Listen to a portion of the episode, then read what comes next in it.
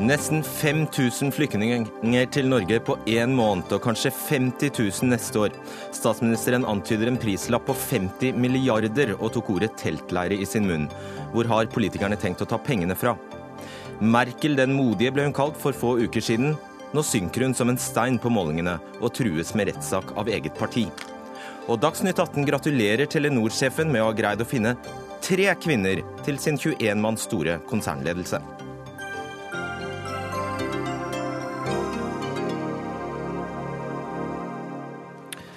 Og før vi gir oss, skal vi diskutere hvor fornuftig det er at Norge fikk et nytt universitet før helgen, som strekker seg over 673 km.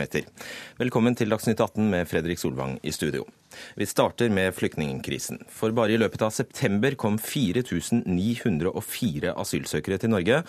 Det er nesten en firedobling fra samme tid i fjor, og mer enn en dobling fra måneden før. Og Frode Forfang, direktør for UDI, hvor dramatisk er denne økningen? Ja, Vi ser i hvert fall at eh, vi fortsatt er på stigende kurve. Eh, tallene øker uke for uke. Det var altså en rekorduke forrige uke, og vi ser også at de daglige tallene øker. Bare for å bruke enda en sammenligning. altså Det vi så i forrige uke, eh, det var altså per dag 15 ganger mer enn det vi hadde per dag i måneden januar og fram til april. Slik at vi er altså på et helt annet nivå enn det vi har vært vant til å være. Og særlig det at vi har hatt et så brått skifte fra et veldig lavt nivå til et veldig høyt nivå. Det er jo det som har vært den helt store utfordringen her. Hvem er de? Det er eh, noen nasjonaliteter som skiller seg klart ut. Syrere for tiden nå, utgjør nå rundt halvparten av de som kommer, altså de siste ukene. Og det er de som står for den desidert største økningen. Men vi får også mange fra Afghanistan. Der har det kommet mange enslige mindreårige i år eh, fra Afghanistan. Men vi ser også nå i de siste ukene at det kommer også flere andre, altså voksne, eh, fra Afghanistan. Og så er det Eritrea og Irak som er de to andre gruppene. Og de fire landene til sammen de står for en veldig høy andel av det totale ankomstbildet. Hvor kommer de? Ja, altså det, det, vanlige veien er at de melder seg i Oslo eh, som første sted de kommer. Da kommer de som regel over Svinesund eller eh, via Østfold. Eh, og melder seg i Oslo. Det vi har sett som er en ny trend nå, det er jo at eh, stadig flere kommer over Storskog, altså grensen mellom Norge og Russland, i eh, Sør-Varanger kommune. Og Det er en trend som er sterkt økende. I forrige uke så var det slik at 20% cirka, av alle som kom til Norge, kom eh, den veien. Og en, Vi ser det pilene peker rett oppover. og Vi har grunn til å tro at eh, ankomstene den veien vil øke i dagene og tiden som kommer. Og Det er jo litt bekymringsfullt også fordi at for det første er jo dette en Schengen yttergrense, så der har vi et ansvar på vegne av hele Schengen for å håndtere for å håndtere den grensen. Men det er, en, eh, det er jo et, også et, en liten kommune som, eh, som, eh, står for dette mottaket, og ressursene er begrenset. Slik at det er en ekstra utfordring at det kommer akkurat der. Der kommer de altså syklende. Hvorfor tror dere det kommer flere der?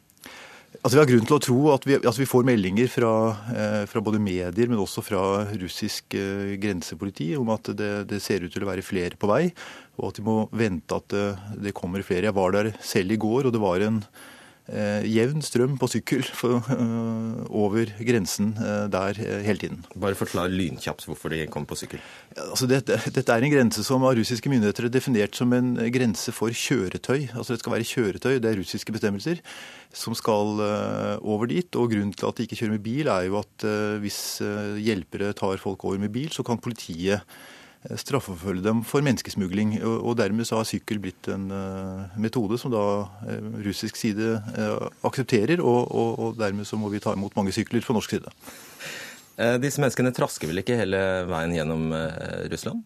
Nei, altså det som er veien her, er at de fleste tar fly fra et eller annet sted i Midtøsten til Moskva, og så videre til Murmansk eller Nikel. Eh, og Så kan man jo tenke at det må jo være dyrt, eh, men det er det ikke hvis du sammenligner det med alternativet, nemlig å bruke menneskesmuglere for å komme seg fra Tyrkia til Hellas.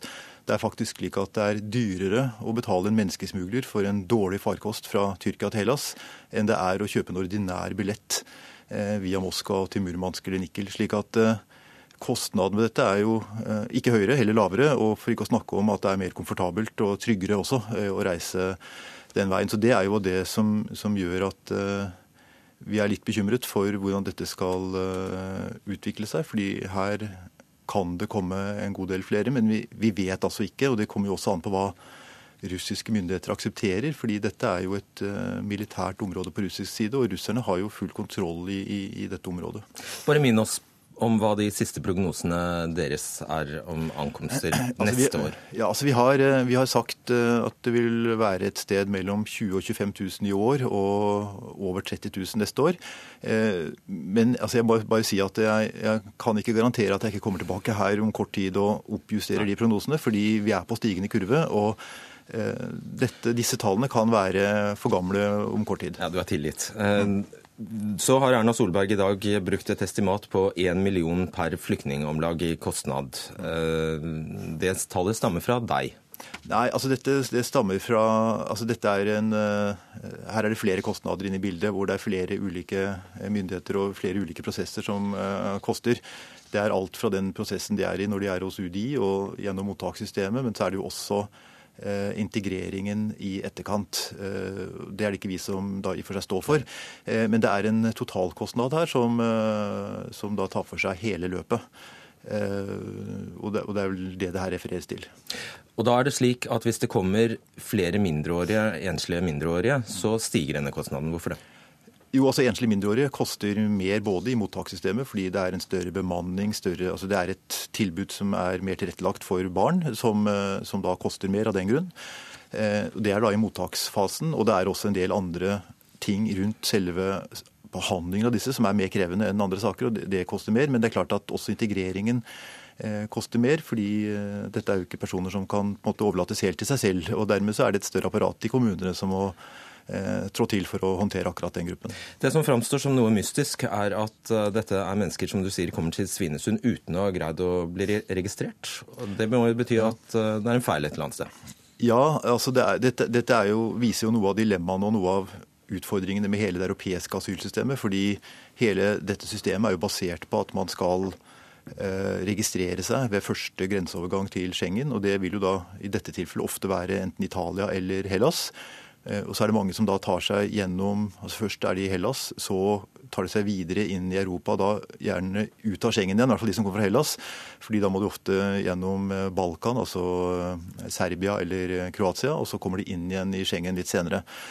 Og da er det et ansvar for første land å å registrere. Men dette ser vi altså ikke Det skjer ikke overalt. Nå har Hvordan greier de å komme seg gjennom Tyskland og Danmark og Sverige uten ja, å bli registrert? Sånn har det alltid vært. Og, og, og det er, det må, er det jo ikke noen indre grensekontroll eh, mellom disse landene. Så det må jo være at man fanger det opp på andre måter. For det, er jo ikke noen, det står ikke grensevakter på, grense, altså på grensene mellom landene i Europa. og systematisk kontrollerer de som passerer grensene.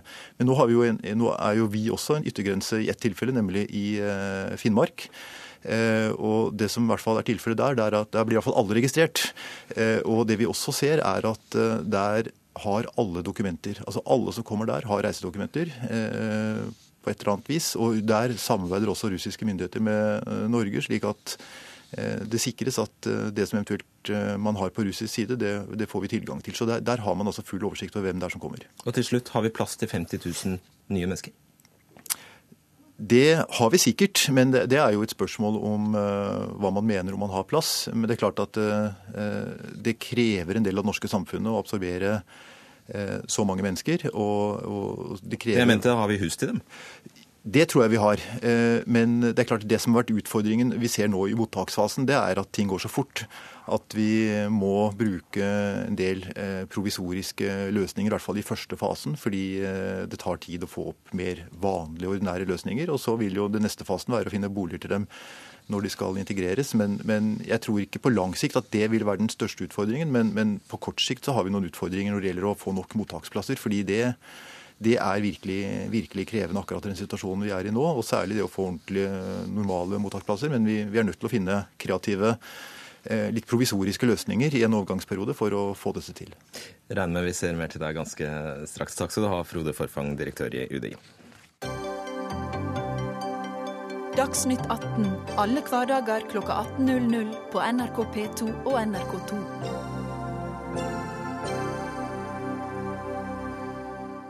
Skal bare legge til at vi, eh, Hvis alt går som det skal, så venter vi besøk av de fire samarbeidspartiene om det, de tallene Frode Forfang eh, la fram her eh, litt senere i sendingen.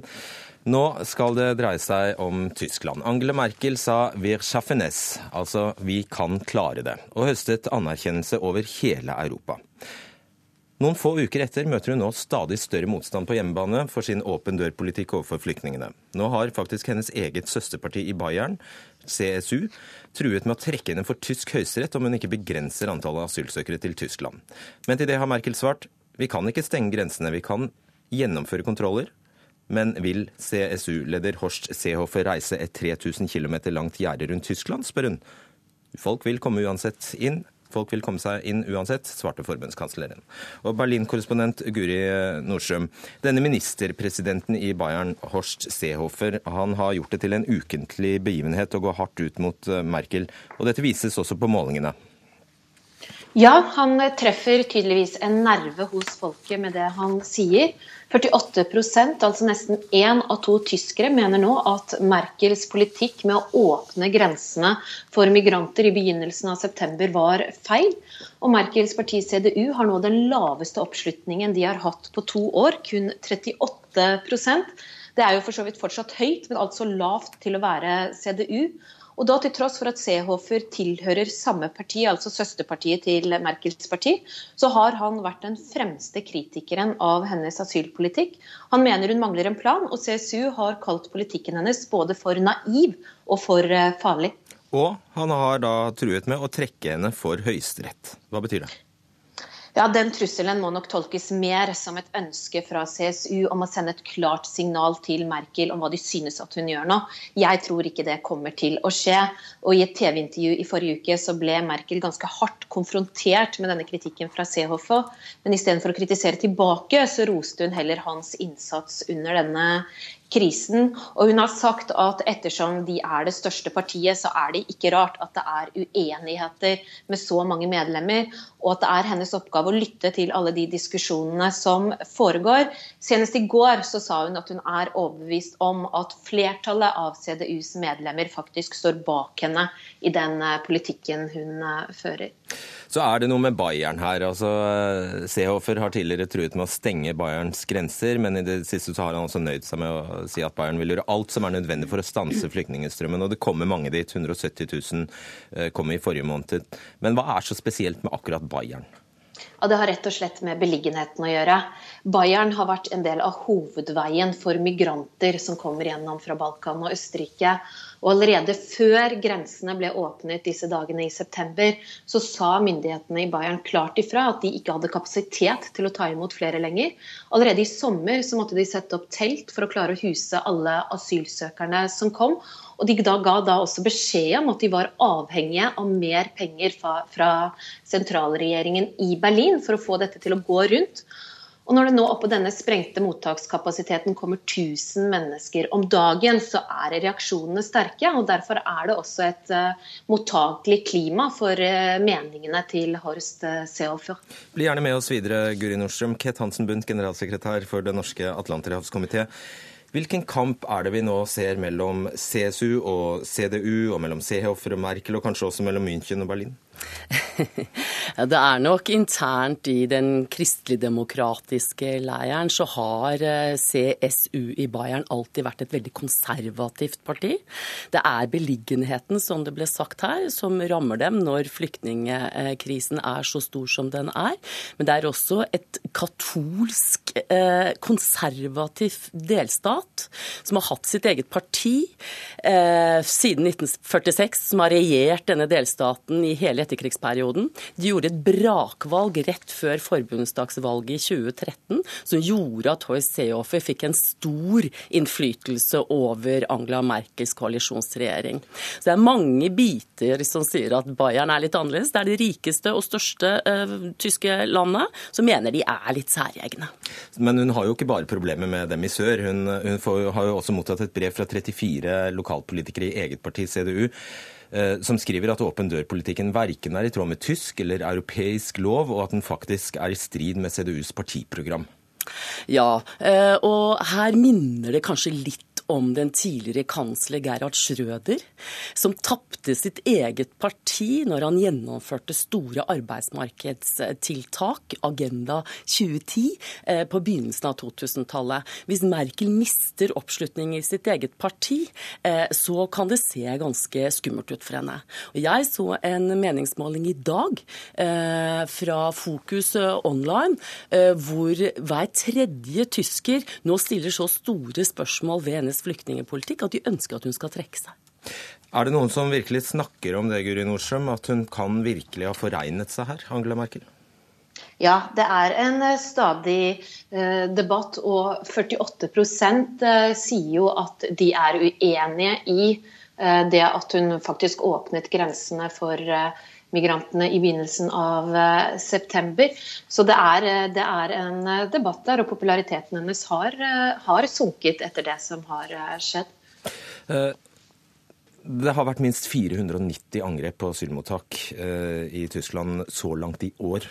En tredobling i forhold til i fjor, og flyktningene blir hilst velkomne av nynazister som nynner sanger fra Det tredje riket. Hva slags mørke krefter er det dette pisker opp? Ja, President eh, Gauch snakket jo for en måned siden om det lyse Tyskland og det mørke Tyskland. Og det er klart at uh, følelsen av en flyktningpolitikk som er kommet litt ut av kontroll, det er store tall vi snakker om her som kommer over grensene til Tyskland uh, hver eneste dag, gjør at man kan spille på frykt i den tyske befolkningen. Og Tyskland har så mange andre europeiske land en uh, nynazistisk og en høyreekstrem side, som tidligere har vært holdt i sjakk ved Bayerns parti CSU, som alltid har sagt at det skal ikke vokse opp noe politisk parti til høyre for oss. Det skal vi sørge for. Vi skal være bastionen for det konservative Tyskland. Eh, men det er klart, det finnes voldelige ekstremister i Tyskland, som i andre land. Og det som er interessant, er jo å se at det gamle DDR, altså de nye bondeslandene, da, som ble tilsluttet Tyskland for 25 år siden, de opptrer i veldig stor grad som mange av de østeuropeiske landene. De øst ønsker ikke tilflytt av spesielt muslimske innvandrere. De forbeholder seg retten eh, til å si nei. Og her finner man også en resonansebunn i den østtyske delen av befolkningen. Hva skjer da hvis Merkel taper denne kampen og ikke blir den eh, pådriver, eh, pådriveren for, for et felles europeisk løft for flyktningene og en felles politikk, ikke minst? Hva skjer da? Det er jo sånn at de søker felleseuropeiske løsninger, mens EU hittil har vært veldig Det har vært vanskelig å få til denne kollektive flyktningepolitikken. Eh, og mm, noe må jo de andre europeiske landene bidra med. For det er ikke riktig at Tyskland og Sverige skal bære hovedbyrden av den krisen vi står oppe i. Og vi ser at også i Sverige så har man jo også eh, sterk oppslutning om høyreekstreme krefter og partier. Eh, så hva som skjer fremover, det er ikke jeg den rette til å svare på. Men det er klart at man er nødt til å finne en kollektiv løsning. Det er ikke ett europeisk land som kan løse dette alene. Mm. Og til slutt, eh, Guri Norsum. Et av Seehofers aller viktigste krav er eh, å stenge grensa mot Østerrike. Og han krever også at Tyskland da skal begynne å håndheve Dublin-forordningen igjen. Vil han få det igjennom? Ja, altså eh, Innenriksdepartementet i dag sier at de vil fortsette den midlertidige grensekontrollen som de innførte 13.9. Den skal de nå i første omgang vare ut uh, oktober. Og så er også CSU og CDU i samtaler om de skal opprette såkalte transittsoner på grensa, for at man allerede der skal kunne sortere ut de migrantene som ikke har krav på beskyttelse. Det gjelder da særlig de som kommer fra Balkan, som myndighetene her mener at flykter pga. dårlig økonomi, og ikke fordi de er i livsfare. Men akkurat dette spørsmålet om transittsoner det er omstridt. Det sosialdemokratiske partiet, som også sitter i regjering, er ikke så begeistret for det. De mener det vil føre til at man får store forvaringssentre i ingenmannsland, og de stiller også spørsmål ved det humane i uh, slike soner. Vi sier takk til dere der, Guri Nordstrøm og Kate Hansen Bundt.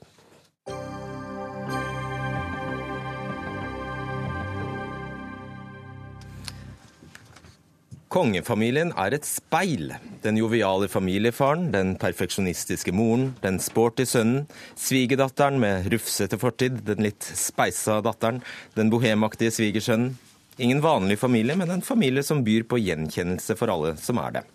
Ja, Det skrev skribent og direktør i stiftelsen Fritt Ord, Knut Olav Aamodt, i Aftenposten. Og dermed var debatten i gang igjen. Åmås, oss, hvis kongefamilien er et eh, speil, så bør vel ekteskapsloven gjelde dem, og de bør for så vidt også skille seg, som halvparten av oss? Det, sånt skjer jo, eh, også i kongelige familier. og jeg går jo ut fra at den kjønnsnøytrale ekteskapsloven gjelder for de kongelige også. Så vi kan få en dronning og en dronning? Tror vi ville kunne greie å leve fint med det. Og hvis de er et speil, så bør de kanskje ikke dra på cruise til to millioner kroner? Det er mulig. Det er også noe som jeg eh, stiller spørsmål ved. Eh, de bør ha en sammenheng mellom eh, hva de sier og hva de gjør.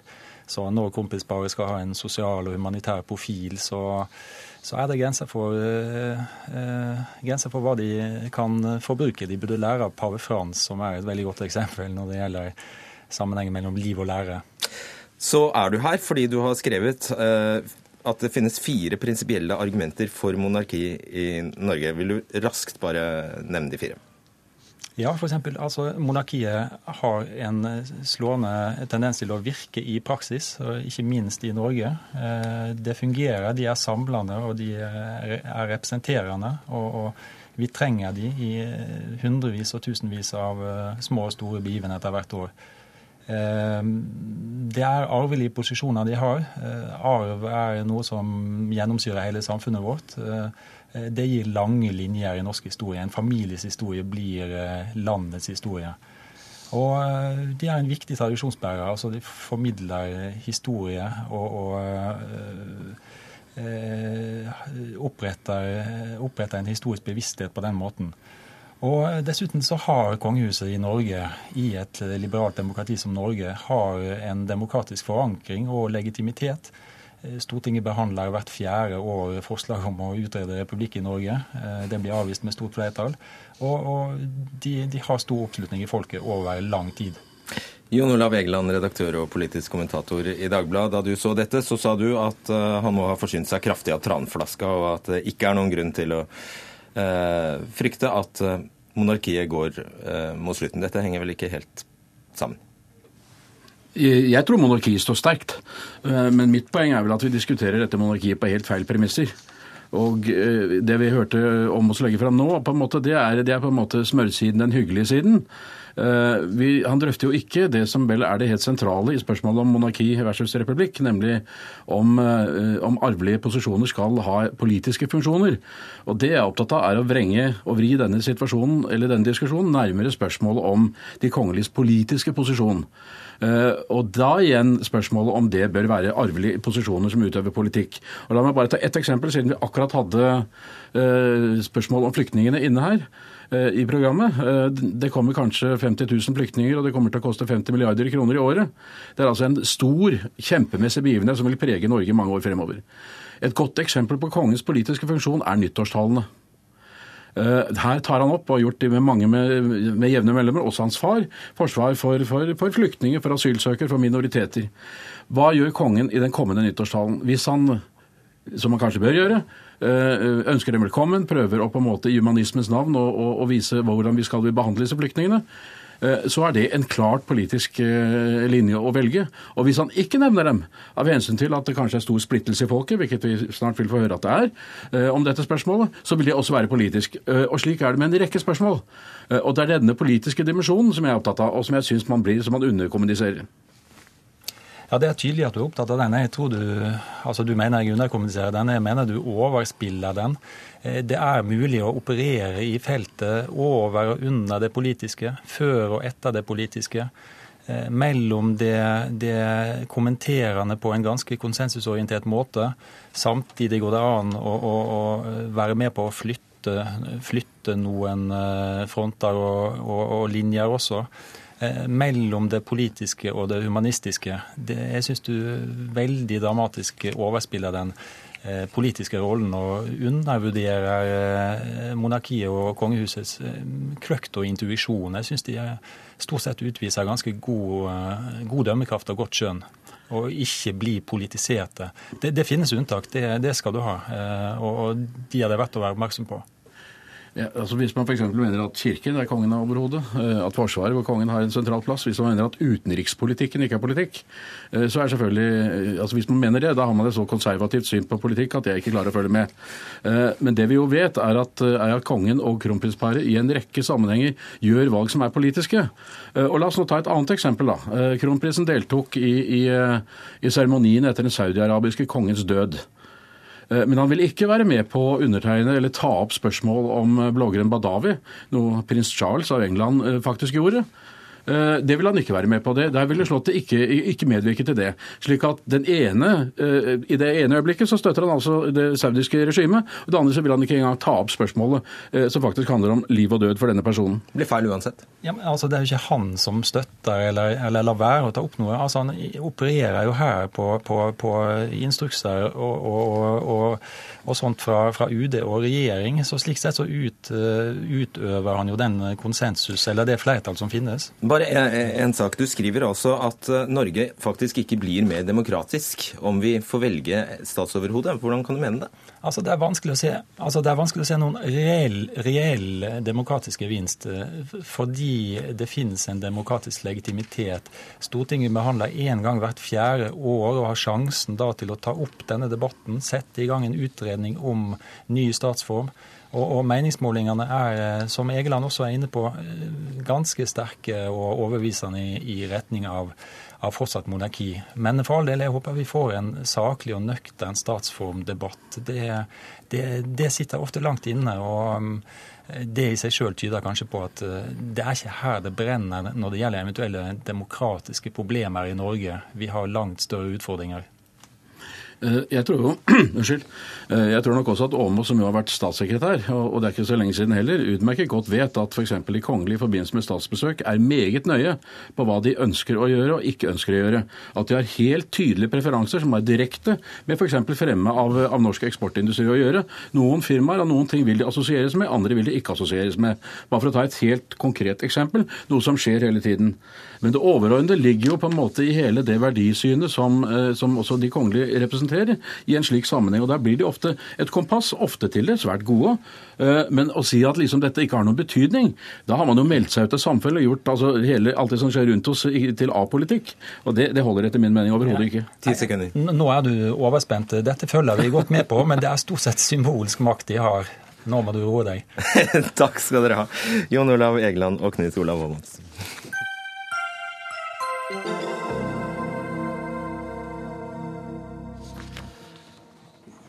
Ja, som vi hørte tidligere, Flyktningstrømmen til Norge kan altså koste opptil 50 milliarder de neste fem årene, sa statsminister Erna Solberg i sin redegjørelse om flyktningene i Stortinget i dag. Og enda dyrere blir det om en større andel mindreårige asylsøkere kommer, som vi hørte Frode, Frode Forfang si. Stortinget vedtok også i dag 284 millioner kroner ekstra til håndtering av flyktningkrisen, hvis jeg ikke tar helt feil. Men så er det sånn at dere i Venstre ikke tror noe på disse tallene, nestleder Ola Elvesund? Nei, det er jo her sånn er det, Nå er det klart, nå er det en tilstrømning, og, og, det har en kostnad ved seg. Men det er klart at vi må også bli mye flinkere til å ta imot de som eh, kommer. Så det handler også om at vi må raskt få folk over i arbeid. Vi må få de integrert så raskt som mulig, sånn at det her også ikke bare er en ren utgiftsside. Men det er jo alle enige om, men tror dere ikke på eh, kalkylen?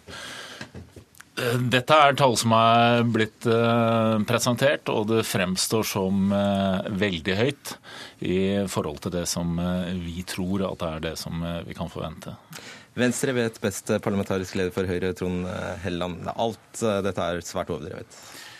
Ja, altså hvis du ganger opp ankomsten de siste ukene, så vil jo tallet bli minst så høyt. Men jeg håper jo at det blir mindre.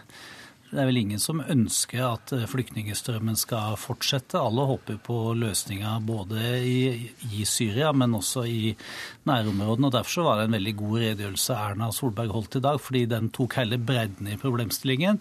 Der også det å få oppfylt FN sine appeller om matvarehjelp, om skolegang osv. Eh, er viktig. For nå ser vi at flyktningleirene ikke tømmes, men mange reiser derfra fordi at de ikke får noe godt tilbud. Hele bredden sier hun. Fortalte hun også hvor hun skal ta pengene fra? Nei, men det sa hun at hun skulle komme tilbake til. Så, og det, det, venter vi jo naturligvis alle spent på. fordi det blir krevende å komme med såpass store endringer i budsjettet. og Det vil jo mm. bl.a. Hans Olav Syversen få anledning til å jobbe med når han får budsjettet til behandling. Ja, hvor har du tenkt å ta pengene fra, Hans Olav Syversen? Parlamentarisk leder i KrF? Ja, Hvis jeg hadde svar på det her og nå, så hadde sikkert mange vært fornøyd. Men eh, nå må vi først få en kalkyle som eh, er basert på det regjeringen mener er nødvendig for neste år. Nå, disse 40-50 milliardene, da snakker vi om et eh, løp på flere år. Fem år. Um, ja, og vi vet heller ikke om det blir, det blir, resultatet. Men vi er i hvert fall beredt til, når regjeringen om et par-tre uker legger fram sitt forslag til inndekning, å gå nøye gjennom det og bidra til at vi skal få en løsning. For det jeg vil gi honnør til statsministeren for i dag, det er at hun inviterte Stortinget til en politisk dugnad, og den vi, har vi tenkt å stille opp på. Men jeg syns jeg har lest allerede at dere har en formening om hvor det ikke skal tas fra? Vi har vårt utgangspunkt, og spørsmålet er jo om man bedrer situasjonen ved å ta fra den langsiktige bistanden, som igjen skal hindre migrasjon på sikt. Det har vi en klar mening om, ja. Er det det du har tenkt til, Harald Tom Nesvik, parlamentarisk leder for Frp? Nei, nå skal vi la den eh, debatten ta når vi får eh, den proposisjonen, eller tilleggsnummeret som det heter så fint i disse dager plutselig. Eh, når vi får den til, til Stortinget. Det er klart at ting blir kostbart. Eh, og hvis ikke vi klarer å eh, iverksette avbøtende tiltak i nærområdet, få på plass eh, Schengen-grensen igjen, sørge for registrering, så frykter jeg at det tallet også som statsministeren brukte i dag, blir lite å regne for de utfordringene vi kommer til å få i åra som kommer. Derfor må vi jobbe langs mange akser her nå for å, få, for å få en kontroll på situasjonen. Sånn som han er i dag i Europa, så er han ute av kontroll. Men det kan vel ikke være noen tvil om at det dere sitter i Nydalen og diskuterer nå, nettopp er hvor dere skal ta disse pengene fra? Hvis ikke så er det jo Hva dreier det seg om da? Hvis ikke dere er ja, det er mange ting vi har diskutert i Nydalen i dag. Det har vært et veldig godt møte der. og eh, det er mange store reformer som det jobbes med, og det er mange nye saker som skal legges frem. Så flyktningsituasjonen var naturligvis eh, drøfta, men ikke i detalj på finansiering. Og jeg tror eh, regjeringen eh, nå trenger den tida fram til de skal legge frem dette, med å få på plass eh, både finansiering, men også peke på litt mer langsiktige løsninger når det gjelder hvordan vi organiserer både mottaksapparatet, hvordan vi driver integreringen på en god måte. For jeg er helt enig med Ola Elvestuen at det aller viktigste er jo at de som kommer til Norge og som skal bli her, raskt lærer seg norsk og raskt kan komme ut i arbeid.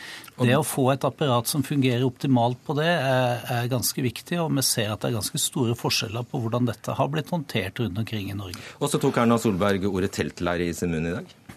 Og sa at eh, Sverige har varsla det, og at en ikke utelukker Jeg husker jo at det var eh, telt som innkvartering, eh, bl.a. På Liertoppen, det asylmottaket som var der. Det er ingen ideell løsning, men hvis det er store mengder folk som kommer til Norge, og vi ser de utfordringene som er med, med bosetting, så, så, må vi vurdere alle muligheter. Men jeg tror ikke telt er det som ligger nærmest å sette i gang med Norge. Ja, altså, det som også som programlederen var inne på innledningsvis, så er det jo allerede vedtatt en sak i Stortinget i dag. Det er knytta til ekstrautgifter for inneværende år.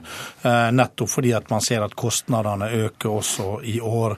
Eh, og så får vi se når proposisjonen eh, da kommer til Stortinget.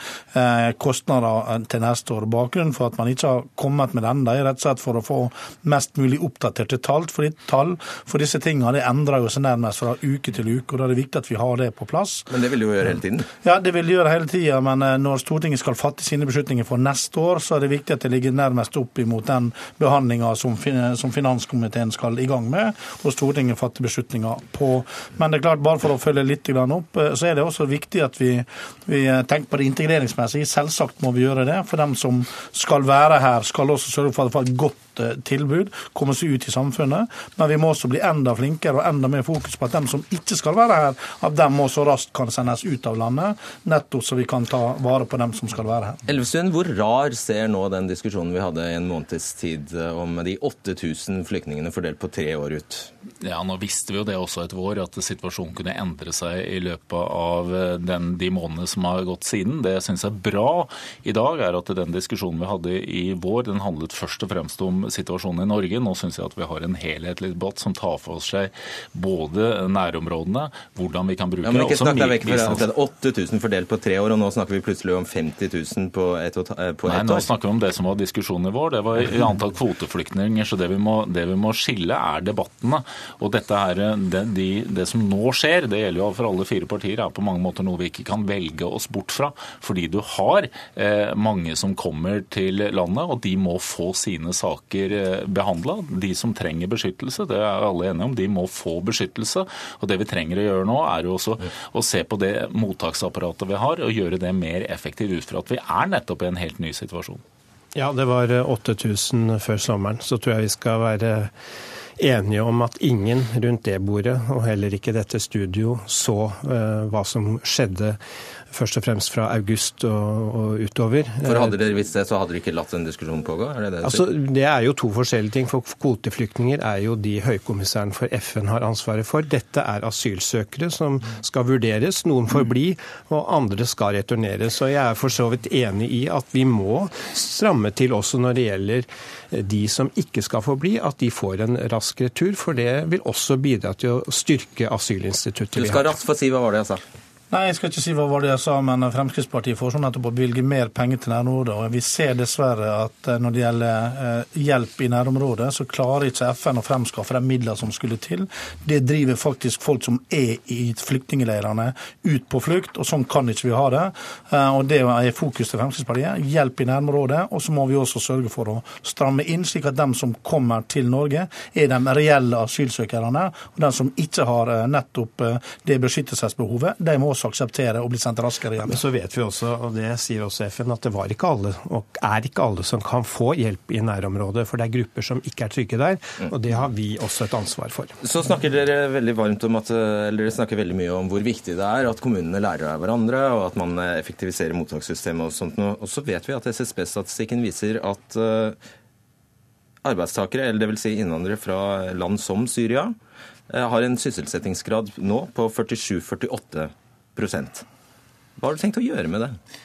Altså for det første så tror jeg ikke vi har så veldig stort grunnlag for å snakke om Syria, for det har ikke kommet så mange syriske flyktninger til Norge.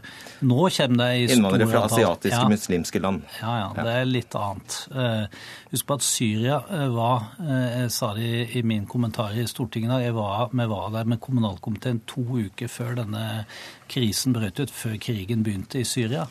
Eh, da eh, var eh, Syria i ferd med å nå FNs tusenårsmål. Hadde et godt utdanningssystem. Det var et repressivt samfunn. altså Det var full kontroll fra Assads side, trodde han. Men det var i hvert fall et samfunn som ivaretok de grunnleggende behov, og som ga folk en ganske god utdannelse. Så jeg tror nok at den syriske flyktningene kan bidra veldig positivt også inn i det norske samfunnet. Fordi mange der har en helt annen utdanningsbakgrunn enn mange andre asylsøkere vi har sett komme til Norge.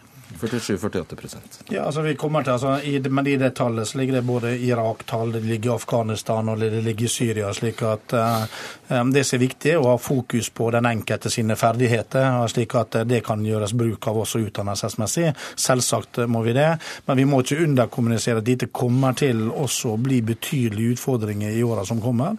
Det kommer vi til å se, og da særlig knytta til bl.a. disse yngre uh, asylsøkere, altså yngre enslige asylsøkere. og Det er det som kommer til til å bli en gedigen utfordring for samfunnet i årene fremover. Nei, Vi er i en helt ny situasjon med det antallet som, eh, som nå kommer til, eh, til, Norge, og som hvis søknader må behandles. Og vi må bli flinkere til å få de som skal ha opphold, og de som trenger beskyttelse, for at de kommer ut i arbeid raskere enn det vi klarer i dag. Men uansett er det tallet du nevner, 47-48% for oss alle en akilleshæl i dette arbeidet. Språk og arbeid. Og der må vi også være villige til å snu noen steiner for å se om vi kan tenke annerledes enn det vi har gjort hittil. Hvilke steiner da? Ja, bl.a. om man kan få kvalifisert dem tidligere, at de har mulighet til å ta arbeid hvis, selv om ikke søknaden er kommet så langt. Det er noe vi er i hvert fall villige til å, å diskutere. Hør med han og meg med på det. Ja, jeg kan gjerne diskutere det med han. Nei, men, eh, det var vel egentlig det som var gjennomgangstonen i Stortinget i dag, at eh, vi må nå diskutere alle ting.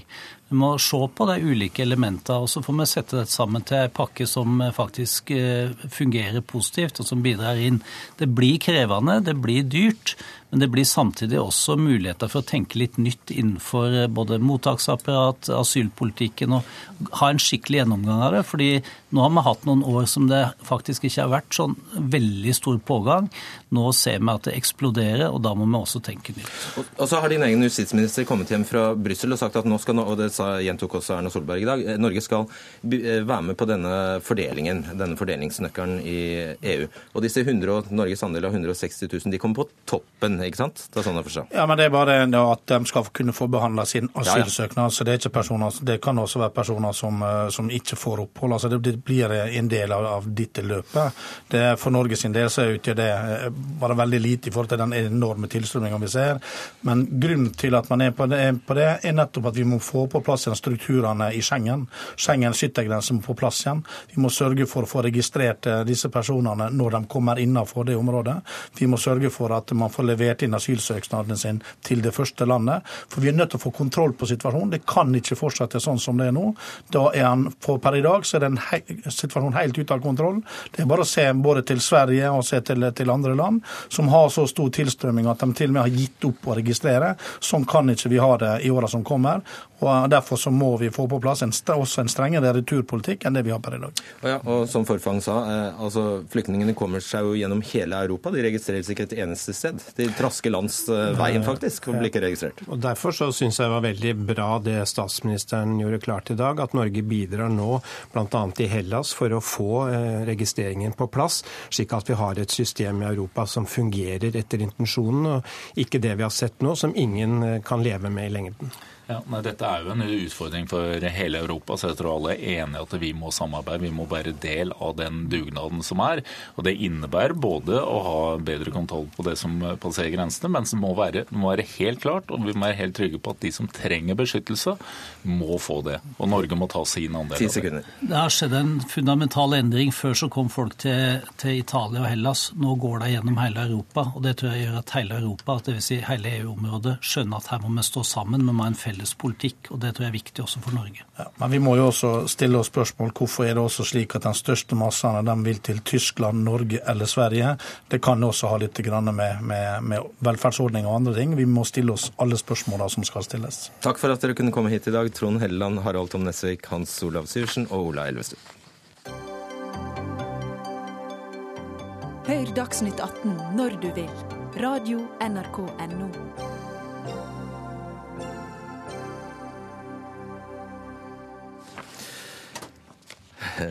Telenor-sjef Sigve Brekkes nye konsernledelse har fått både politikere, Likestillingsombudet og andre næringslivstopper til å brøle.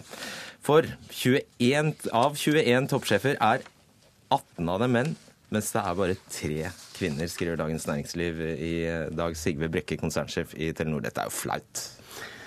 Vel, jeg er den første til å innrømme at eh, vi ikke i hele tatt er fornøyd med kvinneandelen i vår toppledelse. Men når det er sagt, så la meg bare kanskje korrigere litt av fakta. Eh, det jeg har gjort, er å ta bort et regionsledd, sånn at jeg lar da de som er selskapssjefer, rapportere etter meg. Og I den omorganiseringen så er det tre stykker som har gått ut, og tre nye som har kommet inn. Og av de tre som har kommet inn, er det to nye kvinner. Sånn at Det er ikke sånn at, at jeg har satt sammen en ny ledelse med 21 stykker og ikke i hele tatt funnet noen kvinner. Det er et resultat av at jeg har tatt bort et ledd. Men det er ikke feil heller at du bare har funnet tre? Hva sa du nå? Det er ikke heller feil at du bare har funnet Nei, tre? Altså, det er tre som, jeg, som i den omorganiseringen ble da eh, byttet ut med tre nye. Og av de tre nye var det to nye kvinner. Men, men, det er ikke bra nok. Det er definitivt. Og det er derfor vi er veldig opptatt av. Eh, og, og ikke, ikke, bare se på kvinner, men se på mangfold generelt sett. Og En av de grunnene til at jeg faktisk gjorde den omorganiseringen, var for å få et mer globalt team. Den gangen her er det ni stykker som ikke er nordmenn. Eh, før så har Telenor stort sett vært nordmenn. Så du mener utlendinger oppveier for kvinner, eller? Nei da, jeg sier at mangfold er mer enn bare kvinner. Kvinner er en viktig del av det. Kultur er en viktig del av det. Erfaring er en viktig del av det. Så, så. Sånn at det vi forsøker å gjøre nå, er også å sette dette mye tydeligere på dagsorden. Eh, I dag så er det ca. 18% av våre 180 topp ledere i, i Telenor som er kvinner. Vi har satt et mål at i løpet av 2016 skal det være 25% Når det er nådd, så skal vi ta det videre opp i 30 Sånn at, eh, og, dette her begynner helt fra begynnelsen. Det begynner fra talentrekruttering, utdanning, eh, altså coaching, og så også lederrekruttering. Okay. Kaja Storvik, nestleder i Tankes Min Agenda. da du bladde opp i avisa og så dette, hva tenkte du da? Jeg tenkte at det, at det er trist, og det, og det, er tre grunner til det. Fordi at altså, Når du bare finner plass til 3 av 21 kvinner, det er under 15% så for det første så sender du et tydelig signal til alle kvinnene i din egen bedrift og til alle andre flinke kvinner som kanskje kunne vurdert å jobbe i Telenor, om at det er ikke et sted å satse på for deg. Hvis du har lyst til å lykkes og komme deg opp og fram i en bedrift, så bør du velge en annen. Og det, det er jo uheldig for bedriften. Og så, og så, er det sånn at likestilling det er ikke noe man skal drive med fordi man er så snill og grei eller elsker kvinner eller noe sånt. Man skal drive med likestilling på arbeidsplassene fordi at det lønner seg på bunnlinja. Eh, det er kamp om de beste hodene eh, i arbeidslivet. og alle er nødt til å utnytte den talentdatabasen de har. Og jeg opplever nok at altså, Det er nok helt riktig som du sier, at, at det har vært jobba for dårlig med disse tingene over tid. Men når man skal sette sammen toppledergruppa si, så har man mulighet til å hente inn folk utenfra. Altså man har muligheter Nei, han til å sier at de må dyrkes, Nei, men det som er at man, man fram har, og opp. Man har alltid mulighet til å gjøre noen grep når man skal ha så mange som 21 personer. Og det har jo du også gjort, men du har, du har ikke prioritert kvinner. Eh, også, for det andre så er det sånn at Telenor er jo ikke et hvilket som helst selskap for oss i Norge. Det er sånn at Fellesskapet vårt eier 54 Det er Norges teknologiflaggskip. Og det er helt avgjørende for at vi skal lykkes på mange områder i framtida, digitalisering og sånn. Og da er det litt skuffende og ganske trist eh, at dere viser dere som såpass gammeldags i et så viktig spørsmål? Brekke, Hvis ikke du har greid å hjemmedyrke disse kvinnene, da, så kunne du vel strengt tatt ha hentet noen utenfra? Ja, nå er det sånn at I Telenor så forsøker vi å dyrke fram en Telenor-kultur. Og vi forsøker å gjøre det med å lære opp våre egne ansatte. Og nå er det sånn at vi opererer i 13 land.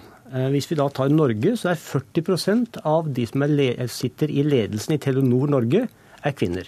Hvis vi går til Sverige, 50% av de som sitter i ledelsen i Telenor Sverige, er kvinner.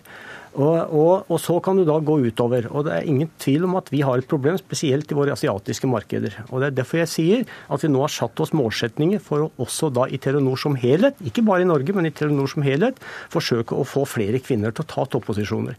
Og det begynner helt ifra at vi har innført nå svangerskapsordninger, sånn at ikke kvinner blir borte, til at vi rekrutterer bevisst kvinner, og at vi trener bevisst kvinner. Så jeg er den første til å innrømme at, at, dette er ikke bra nok. Og jeg innrømmer også at en viktig del av det å lykkes uh, i en bedrift, er å ha mangefold, hvor kvinner er en del av det. Så dette settes definitivt på dagsordenen. Men du må gi oss litt tid til å få dette her til. Det er ikke mulig å løse det over natta i en bedrift som har nesten 35 000 ansatte. Mm.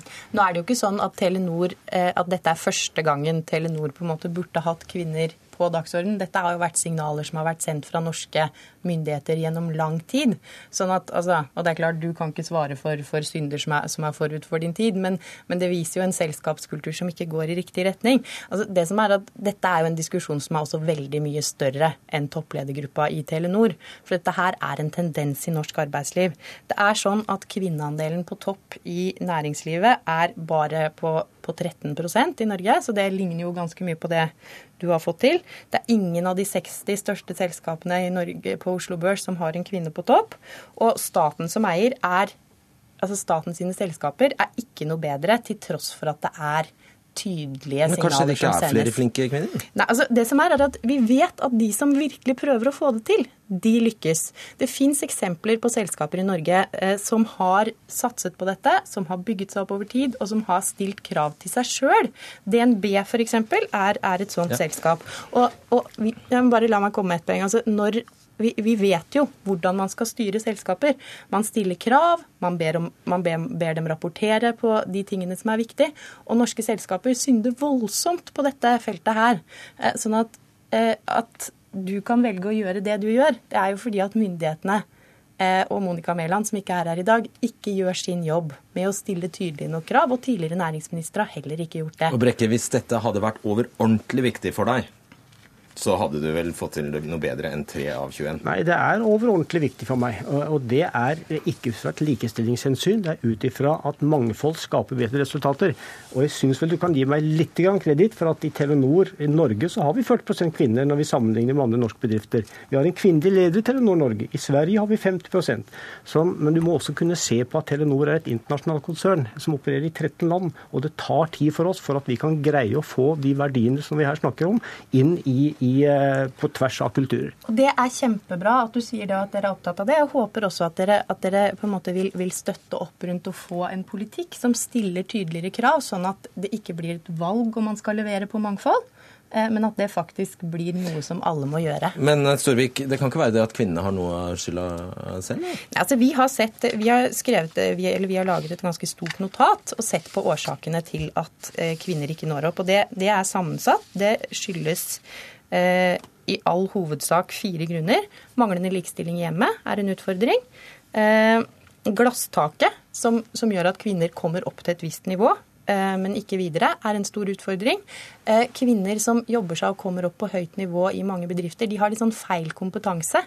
Eh, og så er det sånn at vi ser at kvinner er flere i offentlig sektor enn i privat sektor. Så det er mange gode grunner til det her, men mye kan løses i bedriftene hvis de går inn for det. Og du lover når du blir invitert om ett år fra nå av at eh, statistikken ser annerledes ut? Ja, da er statistikken 25% av våre topp 200 globale ledere er kvinner. Det er målsettingen. Det og det må jeg si er et vesentlig skritt i rett retning. Det er et veldig bra mål. Ja, det skal vi huske òg. Takk, Sigve Brekke og Kaja Storvik.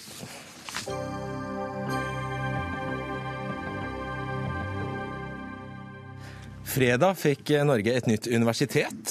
Det skjedde da Høgskolen i Nesna og Høgskolen i Trøndelag gikk under Universitetet i Bodø. Og tidligere har Høgskolen i Gjøvik og Ålesund kommet under NTNU, etter at regjeringen la fram sine endringer for høyskolesystemet. Marit Arnstad, du er stortingsrepresentant for Senterpartiet. Økt kvalitet for forskning og undervisning er altså begrunnelsen fra regjeringen.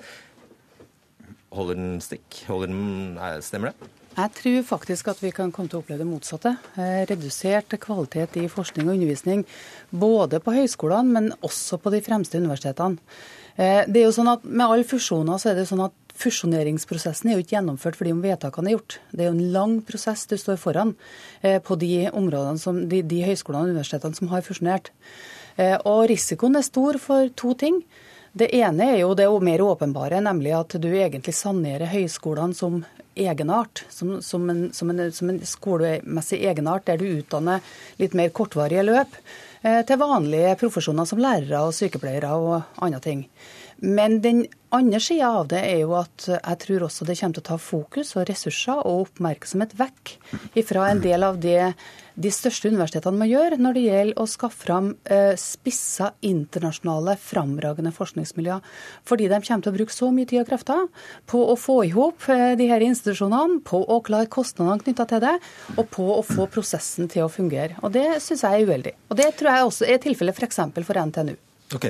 Torbjørn Røe Isaksen, kunnskapsminister eh, fra Høyre. og bare vær klar over det, Du får minuspoeng hver gang du bruker ordet robust fra nå av.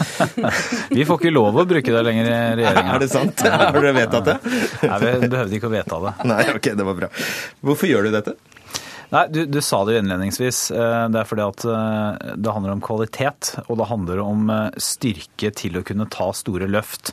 Men så må jeg også si at det, det, det er ingen som må ha noen illusjoner om at det er uproblematisk eller at det er en fix å lage større institusjoner og større høyskoler og større universiteter.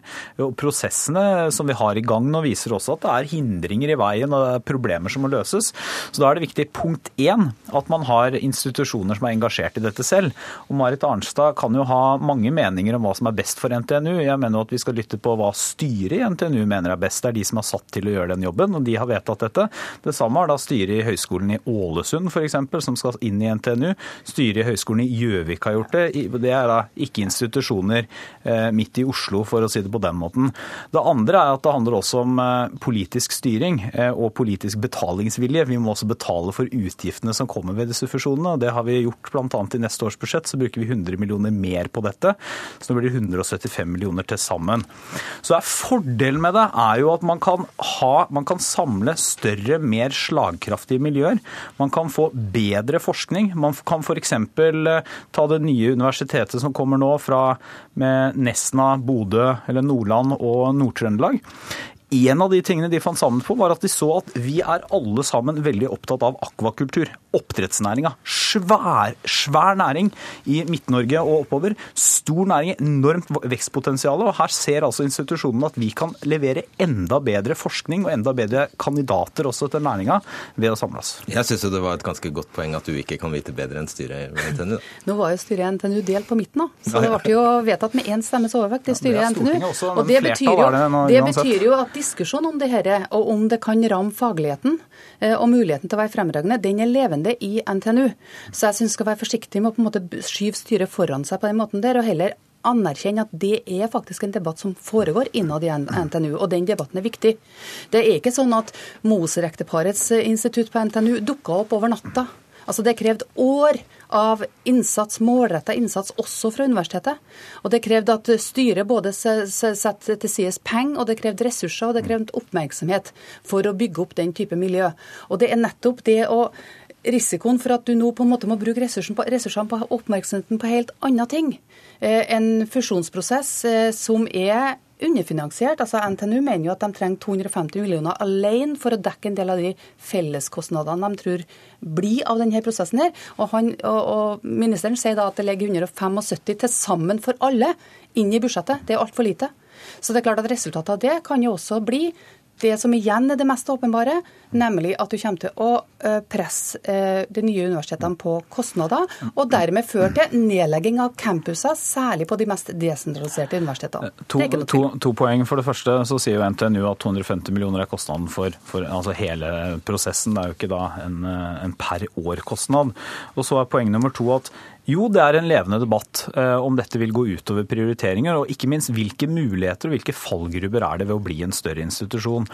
Men, men de faglige vurderingene som har gjort at, la oss bruke da NTNU, Ålesund, Gjøvik og Høgskolen i Sør-Trøndelag, som nå skal slå seg sammen, de faglige grunnene til at disse fire institusjonene nå går sammen om å bli Norges største universitet, handler jo nettopp om muligheten til f.eks. å utnytte det som er et fremragende miljø på informasjonsteknologi på Gjøvik Gjøvik inn i noen av ekspertmiljøene som NTNU har. Eh, Høgskolen i Ålesund ser store muligheter innenfor sitt område, som er blå vekst, nettopp eh, inn mot eh, NTNU og koblinga der. Så jeg er helt enig at det er jo ikke, det er ikke sånn at det er én fasit og at alt er veldig enkelt, og at man ikke kommer til å få noen utfordringer eller problemer. Men mulighetene ved større institusjoner mener jeg er klare og tydelige. Litt av problemet med denne prosessen er jo at var, den, den starta i feil ende. I stedet for at vi faktisk begynte å diskutere hva skal til for å heve kvaliteten, og hva er nødvendig å sette av av samfunnets ressurser når det gjelder finansiering, så starta han med strukturen. En starta rett og slett med tanken om å slå seg sammen. Men, men, men jo, altså det er jo helt åpenbart La meg bare, jo, bare si en ting. for det er ikke sånn, Dette er jo ikke en prosess som jeg har startet. Dette er en prosess som har pågått i mange nei, år. Forskjellen, for, jo, men, jeg si, altså, at forskjellen er jo at den forrige regjeringen sa også at de ønsket større universiteter og høyskoler. Men så fikk man det ikke til og gjorde egentlig ingenting med det. Og det det førte til, var at sektoren hadde utallige forsøk, brukte masse tid, nei. penger og kalorier på forsøk på å samle seg, nei. uten noe politisk trykk bak, og fikk da heller ikke de samlingene som vi har fått til nå. Så det er først nå det har blitt fortgang i prosessen, og det betyr også at institusjonene, når vedtakene er gjort, så kan de konsentrere seg om kvalitetstilbud. Det er en historiebeskrivelse som er helt feil. og jeg må jo si, for altså, Vi brukte ikke lang tid på å skyte ned Stjerneutvalget. Det ble skutt ned veldig fort. Og Høyre var også med på å skyte ned det i Stortinget og sa det at det var ikke større enheter som var løsningen. Det sa Ine Marie Eriksen den gangen i 2008. Det står i alle stortingsdokumenter så, fra deres men, periode at dere så, færre og større institusjoner. Men så er det jo sånn at at når de da kom i kontorene, så setter de fart på den prosessen, og den var veldig strukturdrevet. Og jeg mener at vi starta da i feil ende. Vi burde ha starta med kvaliteten. Eh, og så tror jeg at eh, for NTNU sin del så, så, er, så kommer dette her til å bli eh, et problem.